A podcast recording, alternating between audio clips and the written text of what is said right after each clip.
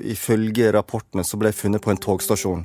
Fire timer med tog utenfor uh, Seoul i Sør-Korea. Også etter det havna jeg på en barneheim. Det er egentlig alt jeg veit. I 1983 blir en to år gammel gutt fra Sør-Korea båret ned rulletrappa på Fornebu.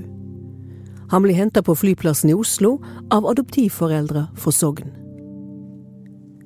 Brynjulf Jung Kjønn er et av ca. 200 000 koreanske barn som har blitt adopterte til utlandet de siste 60 åra. Veldig mange blei registrert som foreldreløse i heimlandet, men var det sant? Har du noen gang eh, tvilt eh, på den historien om at du blei funnet på en eh, jernbanestasjon? Nei, det er den historien jeg har vokst opp med og holdt på hele livet. Du lytter til Hva skjedde? Mitt navn er Kjersti Mjør.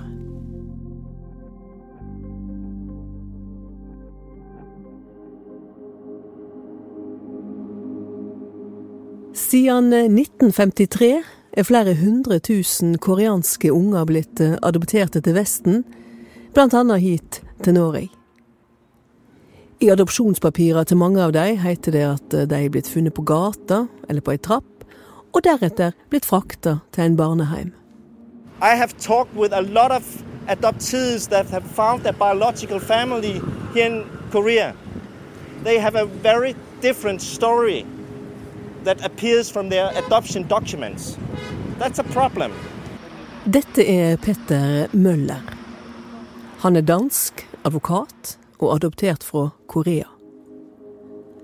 Møller har gått i bresjen for å granske om det er sant at tusenvis av foreldreløse unger skal ha blitt funnet på gata. The, the Korean state at that time have stamped papers that says that people were found in the streets. If you do a little bit of math, that would mean that during the 70s and 80s, 80s 1970s and 1980s, Seoul would be flooded with baskets with children lying around in the street. Flere adopsjonsselskap i Sør-Korea skal systematisk ha forfalska og dekt over den egentlige historien til ungene. De skal ha jakta på barn i fattigstrøk og på mødreheimer, og tilbudt penger for å få adoptere dem bort. Før jul skal to store adopsjonsselskap i Korea ha innrømt bruk av fingerte historier. One thing is the violations of human rights that we have experienced. The other things are our parents, our adoptive parents. They believed that they adopted a, a child without parents. Så langt har 19 adopterte i Norge bedt eh, Sanningskommisjonen i Sør-Korea om eh, innsyn, ifølge Klassekampen. De vil vite sitt eh, opprinnelige navn, fødselsnummer og ID-nummer. Og nå skal landet for første gang granske hva som skjedde med unger som blei adopterte til Vesten. I tillegg skal det norske barne-, ungdoms- og familiedirektoratet gjennomgå norske utenlandsadopsjoner. Som heter tran, kanskje dere er i slekt. Adoptert, importert, meg får du ikke imponert. Animert, integrert, nei jeg er ikke interessert. Adoptert, importert, meg får du ikke imponert. Animert, integrert, nei jeg er ikke interessert. Brynjulf Jungkjønn, han som blei båret ned flytrappa i 1983 er ikke ukjent med at mange av historiene til adopterte fra Korea kan være fabrikkerte. Det blei sogningen gjort merksom på da han drog tilbake til Korea i 2012, og oppsøkte jernbanestasjonen der han skal ha blitt funnet som baby. De to koreanske personene jeg, som fulgte meg litt rundt og var tolk for meg, de sa at det er ikke sikkert dette stemmer. Uh, det er ikke sikkert at du ble funnet på en togstasjon. På 80-tallet fantes det ikke noe register for barn som forsvant. Barn som kom bort fra foreldrene sine, havna veldig fort på barnehjem, slik at barnehjemmet kunne få eh, rettslig eierskap til barnet. Og det har jeg dokument på, at, eh, at det får veldig fort et, et nytt navn og ny fødselsdato, slik at det tilhører da holdt barnehjem. Eh, så det sa de, og at, at, dette var noe mange koreanere egentlig visste veldig godt. Og så ga de meg en eh, nettadresse hvor koreanske foreldre lette etter barna sine, og det var veldig mange, på 70-80-tallet. Men når du scroller gjennom disse nettsidene der mange tusen uh, sørkoreanske foreldre leter etter ungene sine, hva tenkte du da? Tenkte du at dine foreldre kanskje ser etter deg? Ja, jeg tenkte jo det. Og det var en periode hvor jeg fikk, hadde fått mine to første barn, og de var to-tre år gamle. Den samme alderen som jeg eh, ble adoptert bort av og bodde på barnehjem. Sånn at det er klart det, det, det gjorde veldig inntrykk. Ja, det, det, er nok mange skjebner her eh, som, eh, som er vonde, å tenke på. Eh, og tanken på at eh, ja, eh, hvis det stemmer at barn blir jakta på, at alenemødre blir pressa til å adoptere bort, så er jo klart Jeg tror både jeg og veldig mange andre trenger tid til å ta dette inn over oss, sjøl om jeg merker nå at ting, dette er jo ting jeg egentlig har visst litt i mange, mange år. Eller ant, da. Og så er det på en måte nå det begynner å bli mer offisielt at dette faktisk er realitet. Sånn at um, jeg, tror, jeg tror dette med adopsjon, alt som har skjedd i Sør-Korea f.eks., det kommer til å bli, komme fram mer og mer. Det kommer til å bli mer og mer eh, oppslag om det framover. Sist høst ga Brynjulf Jung Kjønn ut Hvit norsk mann, ei personlig diktsamling om egne erfaringer som utenlandsadoptert. Boka gikk raskt til topps på lyrikklista, og handla om utenforskap om ikke å kjenne seg heime verken i sitt eget speilbilde eller i kulturen en er planta om i. Det er òg dikt om å kjenne seg som ei eksportvare, stempla Made in Korea. Hundai, Samsung, LG, Kia og adoptivbarn. Alt er made in Korea. Biler, TV-er, mobiltelefoner og små gule barn. Eksportvarer til en vestlig hvit verd. Før fødelandet solgte meg, klargjorde de meg med mitt nytt merkenavn og ny produksjonsdato. Kledde meg i reine polyesterklede, fotograferte meg, sendte reklamemateriale til Norge med produktinformasjon. Så tok Sør-Korea imot bestillinga, sette poststempelet, passet og panna mi, frakta meg med flypost. Høsten 1983 pakka far og mor meg opp og tok meg i bruk som produktets sønn uten bruksanvisning.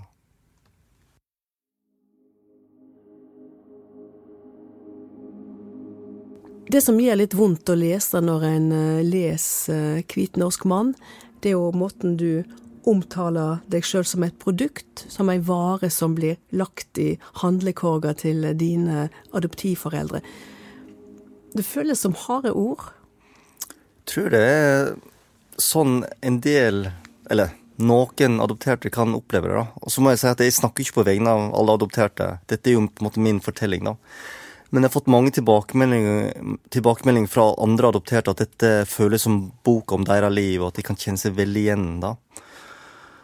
Og det er jo at um, uh, Man føler seg kanskje som en slags reserveløsning, eller en sånn annet valg. Fordi de aller fleste vil jo ha sine biologiske barn. Eh, og hvis man ikke kan få det, så, så tyrer man da kanskje til adopsjon. Og, eh, og det da i tillegg vokse opp i et samfunn hvor du hele tida føler at du ikke er god nok på en eller annen måte. Da, at du, du, er ikke som alle andre fordi du skiller ut utseendemessig. Og så kan det forsterke denne her følelsen av utenforskap eller være annerledes. da, At du til og med ikke er i slekt med dine foreldre, men at du ble på en måte henta fra et annet land. og betalt masse penger for. Sånn at uh, det er nok det som ligger litt bak uh, disse diktene. Så det er et slags mindreverdskompleks da, som ikke går vekk? Ja, jeg har vokst opp med mindreverdighetskompleks hele livet og føler veldig på det fortsatt, tror jeg. Og så har jeg brukt skrivingen på en måte å på en måte skrive meg litt fram og opp da, og prøve å få en viss anerkjennelse. Så for meg har det ja, alt, alltid følt meg på en måte ikke god nok, da, rett og slett. Eh, og det tror jeg handler mye om kulturen, at asiatere har på en måte alltid blitt framstilt enten som nerder eller som litt rare i populærkulturen, i filmer og TV-serier. Uh, rett og slett mangelen på forbilder, da. Eh, ingen som jeg eh, kunne se opp til da jeg vokste opp. Mens, mens hadde jeg vokst opp i dag med Fredrik Solvang som forbilde, så hadde det vært noe helt annet. liksom Se der kan altså en med asiatisk utseende, adoptert, kan lede det største debattprogrammet på TV, liksom. Det hadde gjort noe annet med selvfølelsen min. Men da jeg vokste opp, så, så var det ingen forbilder. Alle forbildene var hvite. Når du skriver dikt om det å være adoptert, slik du gjør, og skriver mye om det vonde òg, og du, du, du, snakker offentlig om det, hvordan uh, opplever dine adoptivforeldre det, tenker du? Har de et uh, avklart forhold til det? Jeg uh, veit at de støtter meg 100 og uh, vi har veldig avklart forhold til at jeg skriver om dette, og um, at jeg snakker om dette her, da. Og så veit jeg at de er jo litt sånn private av seg, så de vil på en måte ikke uttale seg om eh, dette. Og vi har ikke snakka så veldig mye om hvordan de opplever det, men jeg snakker med dem litt, grann, og jeg føler 100 støtte, og at de er stolte av meg. Så, um, og det syns jeg er veldig trygt og godt, og de har alltid støtta meg Eh, selv om, ble, selv om jeg som odelsgutt ikke tar over gården, så har de alltid støtta meg i skrivingen min. Et eh, tema Brynjulf stadig vender tilbake til i dikta sine, er den eh, hverdagsrasismen som mange adopterte blir eh, utsatte for. Det er nok denne dette, denne litt sånn lykkefortellingen om at man, man har mangla Man har vært øh, mista foreldrene sine, og så øh, har man bodd på barnehjem, og så har man vært heldig som har kommet til Norge og fått nye foreldre. Sånn at jeg tror nok mange adopterte, og kanskje adoptivforeldre òg, har fått en følelse at man har ikke lov til å klage, man har ikke lov til å si fra hvis man opplever noe fælt. da, Og litt sånn har jeg hatt det. Og så har jeg ikke hatt noen å dele disse erfaringene med, fordi eh, mine nærmeste slektninger er jo hvite. De opplever ikke rasisme utenlandsadopsjon har vært i Norge i 50-60 år, og man har nesten ikke hørt noen fortellinger om rasisme mot eh, oss som adopterte, f.eks. fra Sør-Korea. Mange av de opplevelsene jeg har hatt, har jeg egentlig tulla litt med. Jeg har liksom hatt det som en morsom uh, fortelling på fest. så fortalt liksom Ja, da jeg flyttet inn i nabolaget her, så trodde naboen at det var avisbud, eksempel, og sånne ting, da. Og bare det å bli snakka veldig mye engelsk til, Eh, det skjer eh, daglig, nesten. Blir spurt hvor man egentlig kommer fra, og, og man gir seg da ikke før man på en måte får det svaret man vil ha. da, at man er fra, Selv om jeg er odelsgutt og vokste opp på Vestlandet, så vil man gjerne vite hvor i verden man, man egentlig er fra. da, og Gjerne da en ekstra kommentar om at ja, men du snakker jo godt norsk og veldig fin dialekt og eh, ja, trives du med å bo i Norge, da? Sånne ting. da, så det, den rasismen som, som, jeg opplever, eller de fordommene jeg opplever, handler nok mer om mer ubetenksomme kommentarer, da. Fortellinga han er voksen opp med, er at han blei ble funnet foreldreløs på en eh, togstasjon, og at han var heldig som fikk nye foreldre fra Feios i Vik. Jeg må jo spørre Brynjulf om eh, han har tenkt å gjøre som en del andre utenlandsadopterte, og prøve å finne ut om historien om togstasjonen er sann? Er litt usikker. Ja, altså, jeg er um, Det er såpass nytt for meg at dette faktisk kan være en realitet at jeg ikke ble funnet på den togstasjonen. Og at uh, den bakgrunnen jeg har tenkt jeg har, ikke nødvendigvis stemmer. Jeg har ikke tenkt så veldig mye over det. Uh, men det jeg er opptatt av, er jo Jeg vil gjerne vite sanninga, da jeg vil jo det. Så på et eller annet tidspunkt så ja, så tror jeg at jeg kan tenke meg å vurdere det. Fordi jeg passer så veldig godt inn i eh, disse sakene som nå blir etterforska. Altså 70-80-tallet. Og det finnes ingen dok dokumentasjon på hvor jeg kom fra. Hvis, jeg, hvis, et barn blir funnet på en togstasjon, så skal det jo på en måte være dokumentasjon fra politiet at dette barnet er forsvunnet, f.eks. For. Men det fins det ikke. Jeg havna rett på barnehjem. Sånn at um, man begynner å lure. Og, men så, så, så, så, er det jo sånn at i 40 år har jeg tenkt at jeg var dette barnet som ble funnet på denne togstasjonen. Og det å måtte endre den eh, tanken om seg sjøl, eller den fortellingen om seg sjøl i en alder av 42 år, det, det er vanskelig. Og eh, jeg, kan tenke, jeg kan skjønne at andre syns det er vanskelig. Jeg kan skjønne at adoptivforeldre syns det er vanskelig. Jeg kan skjønne at eh, spesielt yngre adopterte kan synes det er vanskelig. Det dette er jo veldig sterkt knytta til identitet, da. Var det sånn at jeg kanskje til og med hadde foreldre? Altså så det, det, er liksom masse av det her grunnlaget for at man blir adoptert eh, bort, eh, blir veldig usikkert, da. Så um, uh, Men ja, på et eller annet tidspunkt så, så kom, kan det hende jeg kommer til å vurdere.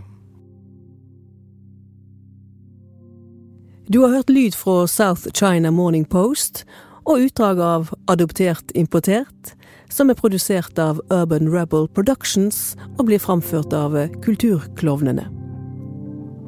Denne episoden av eh, Hva skjedde? er laga av Arve Stigen og Kjersti Mjør.